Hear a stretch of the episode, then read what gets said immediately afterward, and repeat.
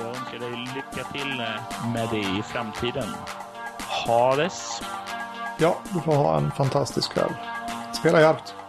Yes. Ja, och då var vi väl eh, klara där. Ja. Jag märker det att jag, jag spelar in mina, mina podcastintervjuer. Jag intervjuar amerikanska, inte amerikanska, men internationella spelare från hela världen. I min, Ja. min serie med nu Gaming Across the World.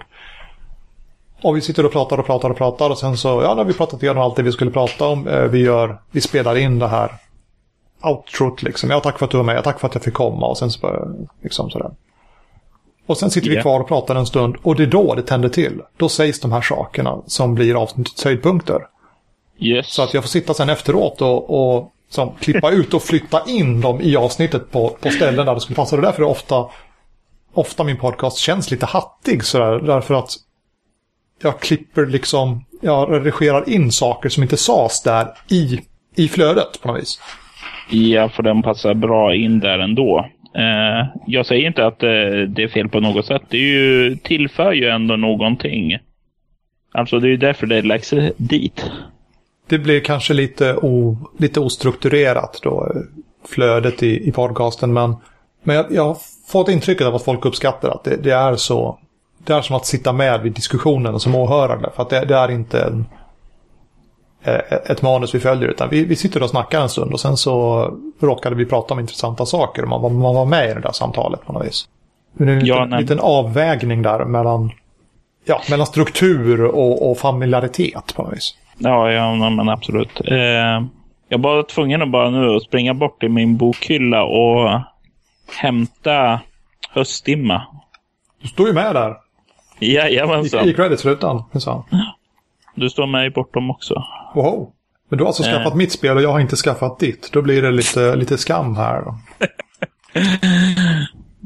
Ja, skäms. Eh, Nej då, det är som sagt fullt förståeligt när du har eh, lämnat vad heter det, genren bakom dig så är det ju sällan man går tillbaka och köper eh, spelen i sig. Då. Ska vi prata upplagor en stund? Jag vet inte ifall det platsar i podcasten. Men, men hur många bortom finns det där ute? Eh, jag tror det trycktes uppåt eh, 320 exemplar. Och eh, min uppskattning är att det finns ungefär Ja, det, det har sålts eh, ungefär 220 stycken. Wow. Du, eh, bortom är ungefär tio gånger större än Höstdimma. Det finns eh, 31 Höstdimma-böcker.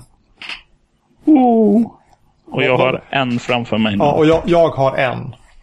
Och sen så är det några till som har, har den hemma. Då. Alltså det, det finns inget lager av Höstdimma-böcker någonstans. Alla Höstdimma som finns är hos, hos folk som har, eh, har köpt dem. Men, men det är ju också lite grann för du, Höstdimma är ju tryckt ju via eh, Print on Print on Demand bortom vad offset-tryck. Sen finns det ett som jag gett bort. Det var det jag gav till Fianex, Det Jag tror att det står hemma hos Åsa Ros och skräpar för att hon tyckte inte alls om det. Eh, ett slarvade posten bort på väg till Piruett Magnus. Vilket han var bitter över på, i sin blogg. Men han, han sa ingenting till mig så han fick ingen ersättningsbok. Men... han, bara, han bara kräktes reda ut över internet. Och, ja, då får det väl vara så. Jag måste ju gå och leta reda på det på eh, Piruett. Uh, men men det, det är roligt och uh, nu kommer vi in på, på hemska saker som vi kanske inte får med i själva slutpodcasten. Men som kan vara lite rolig anekdot i alla fall. Uh, om du tar ditt höstdimma och så betraktar du omslaget. Yes. Och sen kan man då sätta det i, uh, i kritiken som Piret Magnus hade. Att det var inte tillräckligt mycket färgade personer på omslaget på höstdimman. uh, det var... Uh, det, det lästes med viss glädje får jag ju säga. Det var, det var, det var en, en kul, ett kul omdöme han gav om spelet sen då. Jag vet inte hur han fick tag på det. Han kanske kikade i någon annans bok eller något sånt där. Men, Mm. men det är alltså det här med att vara, vara inklusiv i illustrationerna och sånt där. Jag var ju och pratade med, med Pete i, igår, igår eller förrgår. Ja, igår, förrgår tror jag det var. Oh. Han sitter ju och jobbar nu med alltså sjätte utgåvan. Ta i trä, tror jag. Jag har för mig att det var sjätte utgåvan. En- ny utgåva av RuneQuest i alla fall. Och då har de liksom gått in för att göra det här att, att göra spelet eh, inklusivt. Det är liksom starka kvinnoroller i, i bilderna och, och sådär. Till skillnad från hur, hur, det var på den gamla goda tiden när det, liksom, det fanns ett ganska brett spektrum av, av hårdföra män och så fanns det några, några kvinnliga våp som antingen skulle räddas eller möjligen var prostituerade. Liksom. Jo. Och, och, och de liksom har, har verkligen gått in så, så, så, så, så hårt de har kunnat då för att rätta till det där i den nya utgåvan. Och så visar de det för, eh, för Elin som då är så här insatt och, och, och, brinner för liksom, inklusivitet och att man ska liksom ha sådär. Och hon börjar liksom räkna upp på vilka sätt de har misslyckats. Så det var ju liksom lite, li, li, lite nedslående för dem. Alltså, deras spel var ju, var ju oändligt mycket bättre än någon av de tidigare utgåvorna. Men ändå, när man, när man sätter, liksom, sätter sig och försöker hitta fel så är det så otroligt lätt. Absolut. Eh, men jag tycker ändå det är bra att eh, många rollspelsskapare nu för tiden är mer medveten om det här att eh, tänka på saker och ting när de eh, skapar sånt där. Att skapa starka kvinnliga porträtt, även om du misslyckas kanske, så är det bra att ansträngningen finns där. Jag vet, eh, det är ju definitivt en sak som jag tänker på när jag skapar Leviathan, alltså att eh, ha med kvinnor eh, i bilderna. Eh, försöka ge kvinnorna starka roller i texterna också. Sen så vet jag ju inte alltid om jag lyckas perfekt, men jag tycker ändå man ska anstränga sig. Uh, och jag, jag, tror inte att, att, att man kan lyckas perfekt. Nej. Man, man, man, man, kan möjligen lyckas bättre än man gjorde förra gången. Uh, just med Daughters of Verona hittade jag den perfekta lösningen. Man spelar ju alltså uh, 1600-talsteater. Enligt mm. sedlighetsreglerna så fick bara män vara skådespelare. Alltså regel 1. Alla skådespelarna är män. Alltså kan jag säga hi i vad alltså var hi genom hela boken. Och, och det är för att det är liksom, ja men alla skådespelarna är män. Skulle till äventyrs någon flicka spela spelet så måste hon först låtsas vara man och sen kan hon börja spela liksom. Yes. Uh, men hur jag ska göra med, med nästa spel och spelet efter det, då började det som ja. Uh, på svenska har de ju börjat presentera det här förslaget att vi ska prata om uh, hen, alltså låna in finskans pronomen där. Ja. Och det tycker jag känns lite konstigt. Och så finns det ju lite så här lite andra lösningar som den kan man ju använda ibland. Då. Eh, exemplet mm. den som vill röka får gå ut på balkongen istället för att säga han som vill röka eller hon som vill röka får gå ut på balkongen. Men det känns väldigt tillkonstlat. Ja, och, nej jag, jag, jag använder ju, det är väl standard eh, språkregel egentligen att använda hon i själva texten även om eh, rollspelet generellt använt han. Ja. För i Bortom så använder jag i alla fall hon om alla som var där. Hon, hon får gå ut och röka. Ja. Och så vidare och så vidare. Och, och det är ju det är en väldig markering att jag, jag, jag har tänkt på det här och jag, jag, såg ett problem och jag löste det genom att kalla alla för hon. Men och, och, och sett i ett större perspektiv så blir det ju, det jämnar ju ut balansen något vis inom hobbyn. Men i det specifika verket så är det ju precis lika fel som att använda han överallt. Ja, precis. Och och, och, det är först när man, man backar ut, sen så tar man alltså genomsnitt av eh, pronomen i olika spel och så säger man ja men bortom jämnar ut situationen på något vis. Mm. Jag har sett lösningar också som, som verkar vara ganska populärt. Jag tycker jag har sett i många spel nu att spel som har spelledare så är spelledaren kvinna och spelarna män. För att då kan man dessutom använda dubbeltydigheten där för att eh, markera tydligt när det är spelledaren som pratar med en spelare så är det hon och han får betydelse. Det blir betydelselagt på ett helt annat vis. Ja, jag tror det är exakt så eh, som Mikael Bergström arbetar också. Eh, och det är också ett sätt att lösa det på. Då inkluderar du båda. Ja, eh, båda förutsatt att du nöjer dig med att begränsa det till binära kön. Liksom. Att det finns bara pojkar och flickor. Det finns ingenting däremellan eller folk som inte känner sig bekväma med att vara no det ena eller det andra. Liksom. Eller... Sant, sant. Så att om du nu lyckas lösa han-hon-problemet så har du ändå inte gjort alla nöjda. Det finns fortfarande någon där ute som inte är riktigt, riktigt nöjd. Mm. Och då kommer vi in på det du sa, man kan inte göra saker och ting perfekta utan du kan bara komma så långt. Ja, precis. Och personligen så tycker jag den som gör, gör försöket har gjort tillräckligt. Men eh, det, det, syns ju på, på internet och diskussionerna som rasar på diverse forum att det är inte alla som tycker att bara för att du försökte så, så gjorde du ditt, utan du, du, du skulle gjort även mer. En lite, en lite tråkig tendens kanske. Och så de finns ju andra hållet eh, som säger ja, eh, låt bli att försöka. Ändra inte något som vi tycker fungerar. Mm. Och det är också lika tråkigt det. Ja, absolut. Det, jag ser absolut varför man blir, blir, blir berörd. Man, man, man, har investerat i någonting och, och, och har funnit att det här är bra. Det, är, det här är någonting som passar mig. Och sen så kommer det människor som vill ändra det av anledningar som man själv inte, inte ser. Man själv inte kan acceptera. Det, det dyker upp överallt i vårt samhälle på massor av olika fronter. Att, att det är alltid någon som blir stött för att alla, nästan vad den gör så hamnar i konflikt med någons intressen. Absolut.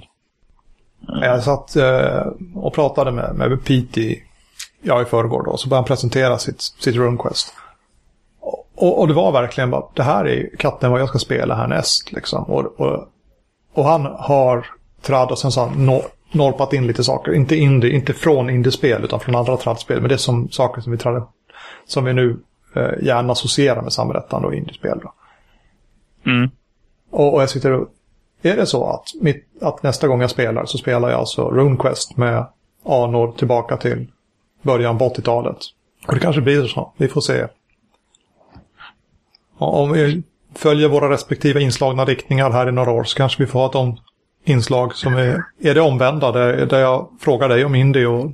Ja du, det skulle vara intressant. Men eh, ja, du börjar ju tidigare med, mig så du ligger ju typ fem år före utvecklingen. så vem vet? Eh, jag är i alla fall... Eh, jag, jag, eh, jag ska inte säga som så att eh, jag är aktivt letande efter indie-influenser, men eh, då jag stöter på dem så känns det ändå som det är skojigt att pröva på. Bara för att få, få ett annat perspektiv på det hela. Liksom eh, jag hakar på att spela indie-rollspel tillsammans med eh, Genesis eh, här i Örebro. Och eh, det är ju absolut inte något som jag skulle spela kring mina eh, spelbord och spelmöten och så. Men varje gång så kommer man eh, därifrån med någon liten nyhet. Så det skadar aldrig att försöka att pröva på någonting nytt tycker mm. jag. Så vem vet, med tiden kanske man ändrar upp, uppfattning om saker och ting helt. Ja. Ja, så vi har ju första avsnittet där Elin var med och pratade i, alltså där hon fick sitt eget avsnitt där vi pratade med Elin. Då var det just det, hon pratade liksom, och det finns massor med saker som vi inte kallar rollspel, men som egentligen är rollspel när man börjar liksom, när man väljer rätt, rätt perspektiv. Och jag tycker det är så coolt att hobbyn spänner in så fantastiskt många saker. Så att i takt med att jag tröttnar på saker så finns det alltid någonting att gå till. Mm. Jag har ett, eh, ett, litet, eh, ett litet frö till ett spelprojekt som ligger i mitt huvud. Som är ett, ett, ett rollspel utan eh, där spelarna inte har någon agens. Alltså, alla spelarna har varsin eh, MP3-spelare på sig. Och sen så agerar de bara utifrån de instruktioner som kommer i öronen. Eh, så att spelet är redan färdigskrivet. Spelledare och spelare, allt sånt finns färdigt. Man får, det, man, man får liksom bara eh, spela ut det som, det som jag har redan dikterat på något vis. Eh. Eh, påminner lite grann om eh, Mr Gs eh, tangonätter som man håller de två senaste gångerna på Gotcon. Det är också er spelledare. Alltså, de plockar upp instruktioner sedan som man får spela utifrån. Mm. Och det, det, det, kan vara definitivt ett coolt eh, experiment. Och jag, jag, tror inte att någon skulle vilja spela det där i, i kampanjform. Men, men som en engångsgrej skulle det nog kunna vara, vara ganska kul att jag har inte spelat Tangonätter, men efter vad jag förstår så är det ett spel som kanske man inte skulle vilja spela en 50-möters kampanj i, utan den enstaka upplevelsen är ganska tillräcklig som den är. Precis. Eh, och det är väl, eh, vad heter det, också lite grann så han ser det, att eh, indiespelen ger eh, goda möjligheter att testa på något nytt utan att eh, just eh, låsa upp sig och binda upp sig till, ja, nu ska vi spela en kampanj de närmsta fem åren. Och det saknar jag, alltså eh, kampanjspel. Vi har ju en, en, eh, en grupp här som spelar eh, indiespel. Vi gör ganska mycket speltest för Nord konventresor. Vi testar saker, reder ut vad vi ska med. Men det finns också en vilja att vi ska spela någon, någon lite längre sammanhängande kampanj. Och vi har lite svårt att enas om att hitta ett indiespel som faktiskt lämpar sig till, till en lång, långdragen kampanj. Det finns några, Mm. några, några saker man, man, man skulle kunna spela, men vi kan inte enas om någon av dem som vi skulle vilja spela, som, som alla vill spela. Så det kanske blir att när vi ska köra kampanj så får vi backa tillbaka till någon sorts tradspel och spela ja, RuneQuest eller Vampire eller något sånt där. Ja, jag är ju raka motsatsen. Jag har två riktigt långa kampanjer som pågår. En från 2007 som fortfarande håller på och rullar. Så det är ju definitivt eh, en skillnad mot din, eh, ditt läge då. Visst är det de kampanjerna där du har gjort liksom introsekvensen till musikvideor med, alltså som om det vore ett tv-program? Eh, jajamän, Ja, stämmer bra. Eh, det är också en så. Jag gillar att pula med eh, material runt omkring.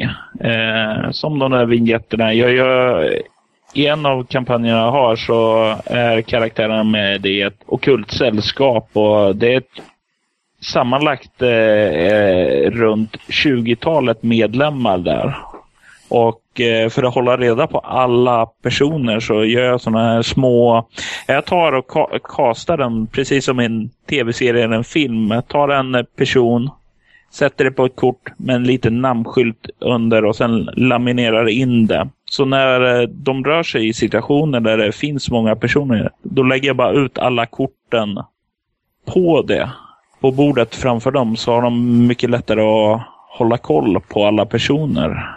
Och eh, det är sådana här små så, pysselsaker runt om kampanjen som jag också gillar att göra. Och investera tid i under längre tid. det är kanske det som är ditt pro- in, in, nu är det ett problem att du spelar tradspel, men det är kanske där, det är bidragande till att du fortfarande gör det. Att du faktiskt har tiden att göra de här förberedelserna, eller har möjligheten att ta dig den tid som krävs för att göra förberedelserna. Ja, det är nog mycket möjligt. Alltså, ja, jag, jag ser ju det, det som någonting roligt, ett nöje i sig. Även om jag förr eh, skrev i princip ett helt äventyr där jag nu mer stolpade, så är, är det ändå såna här förberedelser som jag tar mig. Men eh, det kan ju komma över att jag har möjligheten att ta mig det. Jag, eh, till skillnad från många andra. Eh, jag vet ju att många har eh, barn är ju ett problem. ja, det är inte ett problem i sig då, men eh, det gör ju att du får mycket mindre tid. Och när man blir äldre så blir ju tiden mer värdefull på så sätt. Ja, ja. Nej, men jag, jag sitter ju med det här uh, Daughters of Verona. Och så försöker jag, alltså det blir print on demand-tryck av Daughters of Verona. Och det är, Ja, det är baserat på, på en kortlek. Liksom, med, med, med speciella kort. Så det är inte en vanlig kortlek, det är en speciell custom-kortlek som måste ha för att spela. Och Mm. att göra print on demand-kortlekar är inte helt gratis kan jag säga. Eh, I de små serierna som det handlar om så kostar en kortlek ungefär, med, med lite kring, krimskrams runt omkring, en liten regelbok, kanske en liten låda att stoppa det. Så här. Det kostar ungefär 10 dollar. Oops. Det är en del. Det är en del. Det alltså, och sen så kan du inte frakta den helt vanligt i ett kuvert som man kan göra med de här små böckerna för att det sticker ju ut så mycket. Så att Mm. då stegas frakten upp en del också. Det är ganska tunga saker de här kortlekarna. Så då blir frakten lite dyrare också. Så att jag landar, när, när jag räknar liksom snällt, jag tänker att jag ska inte tjäna så mycket pengar på det här. Liksom. Jag behöver kanske betala en liten konstnär någonstans. Eller eh, ta med tjejen på någon, någon sorts eh, restaurangbesök eller trevligt som liksom, förlåt för att jag har ägnat så mycket tid åt någonting annat än dig. Och, och, och, och då landar liksom priset till kund på 250 spänn. Och vad man får när, när man betalar de här 250 kronorna, det är som en, en liten kortlek och ett litet häfte. Går du till storbutikens spel och, och så, så vill du köpa, ja, jag ska be att få köpa för 250 kronor spel, då kommer du därifrån med ganska rejält fint brädspel eller något sånt där. De närmaste materialmässiga analogierna då. Ja, Och- eh, det, det är ju en väldig skillnad då när man känner bara okej, och jag tar det här för så mycket. Ja, precis. Det, och, och, då förstår jag dem att det, det känns att det kan vara svårt att motivera till en slutkund. Att du ska faktiskt köpa mitt spel som kostar så här mycket och eh, det enda du får är det här. Men då är vi tillbaka i den här tid. Jag ger ju bort spelet gratis. Du kan ladda hem det från min blogg och, och spela det bäst du vill. Men det jag säljer, det är inte spelet. Jag säljer tiden. Genom att du ger mig 250 kronor så slipper du sitta en kväll och skriva ut och klippa och eh, antingen laminera eller stoppa i så här kortfickor. Alla de här korten som behövs för att spela spelet. Så du, mm. du, du, du, köper inte spelet, du köper tiden som du slipper ägna dig åt för att förbereda inför spelet. Ja, nej, men precis. Eh, och för vissa kan, kan ju det vara eh, exakt vad eh, de vill ja, köpa. Alltså, kan man köpa tid så är ju det värdefullt för väldigt många. I mångt och mycket så har ju Höstdimma sålts av eh, kaleidoskoparna. På konvent? På, på konvent. Jag, jag, jag har eh, beställt hem några ex, gett dem till kaleidoskoparna och sen så har de liksom skött försäljningen av det och gjort pitchande. Så det är inte så ofta jag pitchar mina egna spel utan det har liksom kaleidoskop tagit hand om åt mig. I alla fall i Sverige. På engelska så får jag göra mitt eget försäljningsarbete. Men just i Sverige så sköter kaleidoskoparna det jätte med den äran, får jag säga. De gör ett jättebra jobb. Men de få gånger jag har behövt, behövt pitcha Östtimma själv så har jag... Som, ja, men du köper den här boken av mig. Du lär dig, du lär dig reglerna på, på en timme. Och sen så får du med dig två jättebra äventyr som du kan spela med din, med din kompiskrets rakt av skrivet. Ni kan träffas en kväll och så spela hela... Spela klart äventyren på en kväll. Ni får liksom två helkvällar av det här spelet. Och du behöver inte förbereda någonting annat än att du måste kika igenom reglerna först för hur det funkar. Och det säljer. I alla fall, inte till småkidsen. De, de går på andra saker. Men mm. eh, till de vuxna köparna. Alltså de, de, de, de som har, har lite kråksparkar runt ögonen, kanske ett skägg. Kanske har barn i släptåg som vill dra iväg till figurspelsrummet. Liksom. De lyser upp när jag säger det. Att ja, du har, du har T20 hemma. Bra, köp den här boken så har du två helkvällar för ditt spelgäng. Det. Eh, alltså jag säljer tid. Du behöver inte förbereda någonting. Eh, ni kommer få en kanonupplevelse på, på en kväll. Och med det perspektivet så jag kommer inte ihåg vad, vad kaleidoskoparna, vad det blev för utpris när de sålde om det var 200 spänn eller något sånt där. Då är det ett fynd trots att det bara är ett litet sketet häfte. Ja. Jo, det kan jag tänka mig. Mm. Hur är det med, eh, med Bortom? Om, och nu säger vi om, det är ett väldigt stort om här. Om jag köper det, Uh, får jag med ett introäventyr? Är det med i boken eller ladda hem det, det finns med ett uh, introäventyr i boken. Hur, hur många sidor av boken? Det är en ganska tjock bok. Jag har sett den i affärer. Det är liksom på riktigt. Det är 112 sidor stort. Ja. Hur många av dem måste jag läsa innan jag kan köra introäventyret med min grupp? Oh, jag tror att reg regelsystemet i sig sträcker sig på 20 sidor. Eh, jo, eh, resten är eh, kampanj, eh, stämningstexter och sådant som går eh, att eh, skala bort om man inte vill läsa utan bara vill komma åt själva äventyret. Så det är inte särskilt stor regelmassa om man jämför sidantalet i sig. Själva äventyret börjar på sida 81 och slutar på sida 101, så det är väl 20 sidor. Så det är ungefär 40 sidor som du behöver läsa och då är det inte alltför liten text heller. Så jag skulle säga att det inte är allt för stor textmassa. Eller det kanske är jättestor textmassa, det vet jag inte. Nej, men alltså, då, då, då pratar vi 40 sidor. Då är vi plötsligt ner och tittar på de indiespelen. Där är det eller indiespelen, alltså jag tycker inte om ordet indiespel, men i alla fall. Mm. Eh, spelen som, de är 30 till 60 sidor. Men där måste du ta mig fan läsa varenda liten rad för att det är så otroligt komprimerat och, och, och fokuserat så att man måste läsa allt. Men då tar man de här stora trallspelen som är, är, böckerna är tjocka. Men egentligen mm. så är det för att spelmakaren, han har sett till att du har som jag sa, du, du har inte bara en verktygslåda, du har en hel, en hel verkstad med, med saker. Du kan göra precis allting i det här. Men för att få den här eh, första upplevelsen så behöver du bara kanske läsa en tiondel av det. Men att veta vilken tiondel. Det är, är någonting som liksom ligger och gnager i mitt huvud nu till, till kommande projekt. Hur ska jag göra tydligt vad du faktiskt måste ha för att spela första kvällen och vad är bara verktyg till påföljande kvällar. Jag var på Gothcon i, inte i fjol, inte i år, men i fjol var jag på Gothcon och då fick jag Technohock. Skrivet yeah. av... Uh, av uh, Boningen. Då, ja, precis. Det är väl inte Boningen som har gjort det. Det är väl någon, någon, på Boningen som har gjort det. Men i alla fall någon, någon i det Boningen-gänget som har gjort Technohock. Olav Nygård eller? Ja, jo men det låter bekant. Mm. Jag, jag, jag, jag, fick det av honom då, som, som tack. Jag dök bara med som, inte korrekturläsare, men var med på tidigare stadium då som lite redaktörsjobb. Liksom, pekade på saker som man borde göra eller kunde göra med spelet för att ta det till en lite högre nivå, enligt mig. Då. Och det spelet har vi spelat en gång. Och det har vi spelat enbart och endast tack vare att det faktiskt följer med färdiga rollpersoner och det följer med ett färdigt äventyr. Yes. En, en, en, och då, precis, nu fick jag spelet, men precis samma argument liksom. Du kan ta det här och så läser du de här sidorna, eh, här har du äventyret och här har du färdiga rollpersoner. Så ni kan sätta er och ni kan spela och uppleva hela, inte hela spelet, men vad, vad spelet är för någonting på en kväll. Rakt ner och allting är liksom förberett. Det är som, isen är putsad liksom. Det är som en curlingkula. Det var att att samla sig och så spelar man och sen så vet man vad det var för någonting. Och det har jag kommit att tycka blir mer och mer och mer värdefullt i de saker jag köper. Mm. Det är bara lite grann det tänket som... Jag gjorde ju en liten modul som kallas för Leka med elden.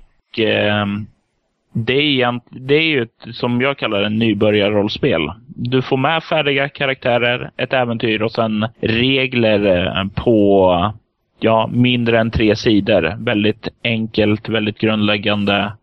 Och det är i stort sett bara, det följer med instruktioner eh, hur du går till. Det är nästan så att du kan spela det med, spel, börja spelleda det direkt. Det är i alla fall lite av tanken. Eh, och eh, det är väl eh, också kanske en av de eh, saker som eh, kan vara, alltså just för att underlätta att bara använda direkt. Men, men det marknadsförs och säljs som, som, som ett intro, alltså introduktion till rollspel. Ja. Nybörjarspel. Och, men... och jag undrar ifall det inte finns en marknad där ute för förberedda spelupplevelser. Mm. Att, du, att du alltså säljer spelet till, till veteraner i rollspelsvärlden som inte har tid, ork, möjlighet eller lust att hålla på och förbereda sig och lära sig saker. Utan här har, du, här har ni er spelkväll. Och att, om den kostar en hundring, det, det blir ju sekundärt när man räknar in allt annat. Men jag, jag, måste, jag måste gå hem en timme tidigare från jobbet för att förbereda. Vi måste laga mat tillsammans. Det ska åt eh, godis och chips och de som kör med bil flera mil för att komma till spelmötet. Den här hundralappen som boken kostar, det försvinner fullständigt i, i den större ekonomin av det hela. Jag har ju inte tänkt alls på det ur det perspektivet, men eh, det är definitivt något som man kanske kan ha i åtanke för framtiden, om något liknande. Eh, för den bilden du beskriver är ju eh, en som jag inte alls har tänkt på tidigare. Väldigt intressant och tänkvärt. Har eh, du något extra exemplar av medan eh, världen går under eller? Du kan få den, yes. i, få den i mejlen när vi är klara.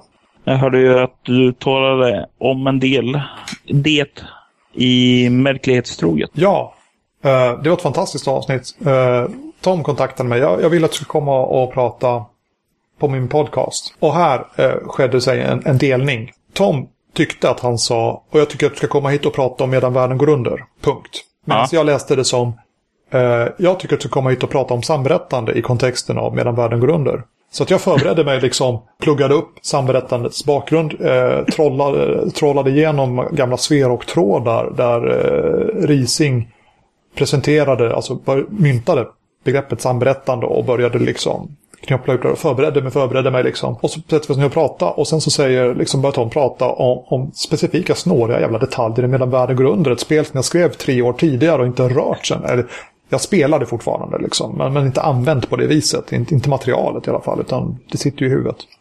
Uh, och, och, jag liksom försöker hitta angrepp, alltså hur ska jag kom, få in uh, det här som vi ska prata om i, i det här liksom. Och blir bara mer och mer stressad och helt osammanhängande och det finns alltså i hans källmaterial så säger jag samma sak fyra gånger och stakar mig i dem. Och han liksom var tvungen att som, klippa ut de användbara delarna för att få ihop ett avsnitt. För att jag var liksom helt omkullkastad. Hela samtalet bara virrade fram och tillbaka som en yr höna. Eh. ja, det är skönt att höra att eh, jag är inte ensam om det. För jag, jag, jag, jag, jag kanske inte vilse sådär, men kände vid vissa delar bara okej, okay, nu har vi virrat bort mig helt. Bara, Alltså kan vi bara ta och börja om? Jag, vet inte var vi är just nu. Ja, men det, det är skönt bara, bara ta om. Ja, uh, och, och, det händer ju alltså. Uh, jag tror att jag hjälps i mitt format. Att ja, det finns ingen agenda. Vi, vi sätter oss ner och pratar. Det blir som ett, ett löst samtal. Att folk har lättare att slappna av. De blir, de blir friare och mer... Uh, det går mer lätt helt enkelt att spela in dem. Men ändå hamnar vi ändå i situationer att det, liksom, det som jag faktiskt fick ner på bandet, det var ganska intressant sagt. Eller de sa ganska intressanta saker, men jag kan inte ha med det i slutavsnittet för att det får personen som, man, som jag pratar med att framstå som fullständigt förvirrad. Mm. Eh, även om de varit helt sammanhängande runt omkring liksom. Men, men just när nyckelpunkten kommer, så det som jag faktiskt har på bandet, det går inte att använda så jag måste klippa bort stora avsnitt av, av det som har sagts. För att jag, jag, vill naturligtvis visa upp mina gäster i det, bärs, i det bästa möjliga perspektiv som jag kan. Ja, inte... annars lär man ju inte ha mycket gäster längre. Nej, precis. Och ingen ska någonsin få känna att jag, jag var med på podcasten och jag lät så dum. Nej. Uh, utan ja, jag, jag sitter och, och klipper bort um, um, tankepauser och ifall det är något sammanhang som inte riktigt hänger ihop, då klipper jag bort så mycket så att det inte ska märkas liksom att här, här, här var vi ute på hal is liksom. Utan det ska liksom vara samma, det ska vara lättlyssnat. Man ska sitta som, som åhörare och få märka liksom Även om du är ett, ett fritt löpande samtal ska det ändå finnas en röd tydlig tråd. Det ska vara lätt att följa med från den ena tanken till den nästa. Liksom. Det, det ska vara behagligt att lyssna men också att de som är med ska liksom visas upp i, i det bästa ljus jag kan bringa. Mm. Vilket Tom gjorde fantastiskt bra med medan världen går under avsnittet. ja, jo, men det är skönt om man eh, inte behöver känna det där som du säger bara fan varför ställer jag upp på det här? Eh, för det är typ världens sämsta känsla. Men eh, jag tycker det är skojigt. Eh, du säger att ja, för mig så underlättar det här att eh, bara sätta oss ner och prata. För jag fungerar på raka motsatsa sättet. Alltså om eh, jag har en, eh, ett manus, alltså en körschema som jag bara kan sätta mig, kolla och ha en ungefärlig pejl på det hela. Ja, ja men då flyter det bra. Uh, och då kan jag även gå ifrån det om det behövs alltså om det väcks något intressant. Men utan den här förberedande körschemat så då havererar det totalt. Alltså jag prövade att köra utan det och det var bara att slänga iväg det resultatet. För det blev ingenting som gick att använda då. Ja, det är, det är spännande hur olika vi är. Ja, men det kanske också lite grann äh, återfinns i vad vi spelar också. Äh, oförberedd indie och äh, förberedd tradd också. Och, och alltså de här RuneQuest-tankarna har ju förföljt mig. Och, och, innan de kom så var det andra liksom så här, men ska jag, ska jag blåsa liv i Ars Magica eller ska jag ta fram Traveller kanske? Och så började jag fundera på liksom, hur skriver man äventyr? Alltså, alltså det, det, det, det rollpersonerna, de, de, de, finns där. Och sen sätter man sig ner och så frågar man vad gör ni? Nej, nej det är inte så. Alltså jag har som förträngt hur man spelar traditionella spel. Så jag måste gå in i det på nytt på något vis och utforska det igen. På samma vis som jag en gång till fick eh, utforska indiespelen då. Eh, och alla andra konstiga spelformer som vi har prövat på under årens lopp då. Det känns som jag har ett äventyr framför mig. Det kanske blir eh, så som du en gång i tiden upptäckte Indio och började utforska det med nya ögon så är det exakt vad du får göra med tradden nu.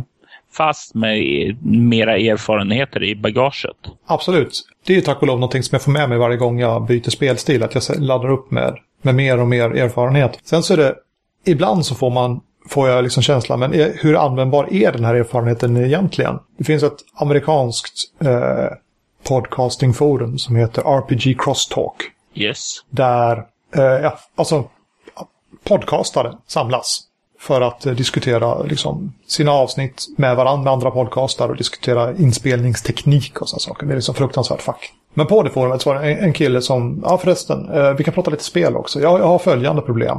Och så börjar han prata om något problem i, i sin spelkrets. Och jag liksom bara, ja men det här kan jag lösa. Du löser det så här liksom, papp, papp, papp, papp, papp, och sen så har du inte problemet längre.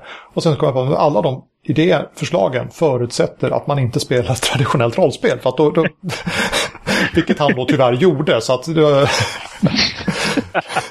jag hade ett halvskrivet inlägg och sen så liksom föll poletten ner och det var bara att trycka cancel och sen så följa medan de andra redde ut det där då, vad, vad han skulle göra med och kunde ge relevanta råd. Ja, det är då man är glad man kommer på sig själv innan man har postat det.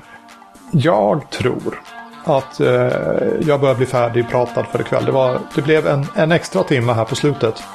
För andra gången då säger vi eh, tack för den här gången Robert. Det var fantastiskt trevligt. Vi måste göra om det någon mer gång i framtiden. Absolut, och jag tackar dig för detsamma Wilhelm.